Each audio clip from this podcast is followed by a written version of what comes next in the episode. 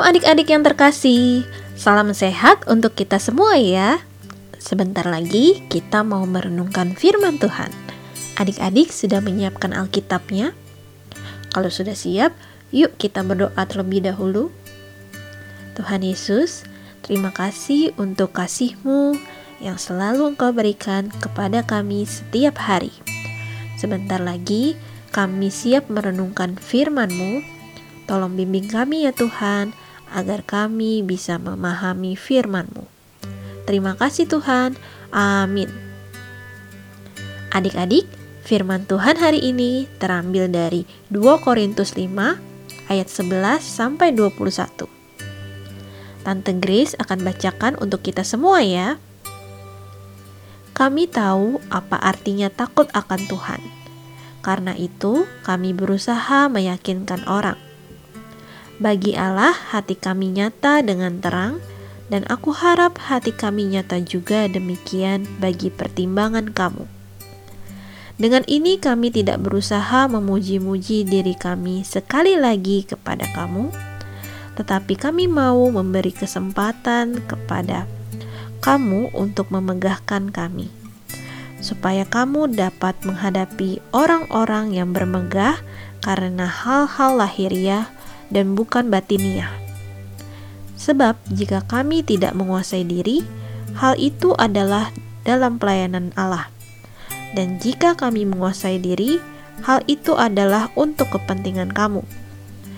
Sebab kasih Kristus yang menguasai kami, karena kami telah mengerti bahwa jika satu orang sudah mati untuk semua orang, maka mereka semua sudah mati dan Kristus telah mati untuk semua orang, supaya mereka yang hidup tidak lagi hidup untuk dirinya sendiri, tetapi untuk Dia yang telah mati dan telah dibangkitkan untuk mereka.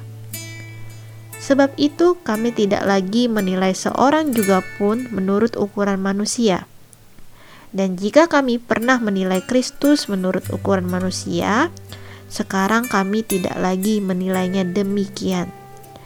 Jadi, siapa yang ada di dalam Kristus, ia adalah ciptaan baru. Yang lama sudah berlalu, sesungguhnya yang baru sudah datang. Dan semuanya ini dari Allah yang dengan perantaran Kristus telah mendamaikan kita dengan dirinya dan telah mempercayakan pelayanan pendamaian itu kepada kami. Sebab Allah mendamaikan dunia dengan dirinya oleh Kristus dengan tidak memperhitungkan pelanggaran mereka. Ia telah mempercayakan berita pendamaian itu kepada kami. Jadi, kami ini adalah utusan-utusan Kristus. Seakan-akan Allah menasihati kamu dengan perantaran kami. Dalam nama Kristus, kami meminta kepadamu, berilah dirimu didamaikan dengan Allah dia yang tidak mengenal dosa telah dibuatnya menjadi dosa karena kita, supaya dalam Dia kita dibenarkan oleh Allah.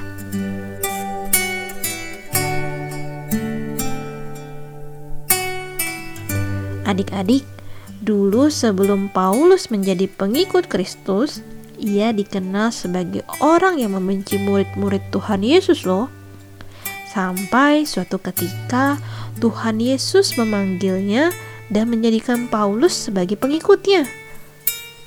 Wah, Paulus yang awalnya sangat membenci pengikut Kristus, tapi ia mau hidupnya diperbarui sehingga ia menjadi orang yang dikenal setia menyebarkan firman Tuhan.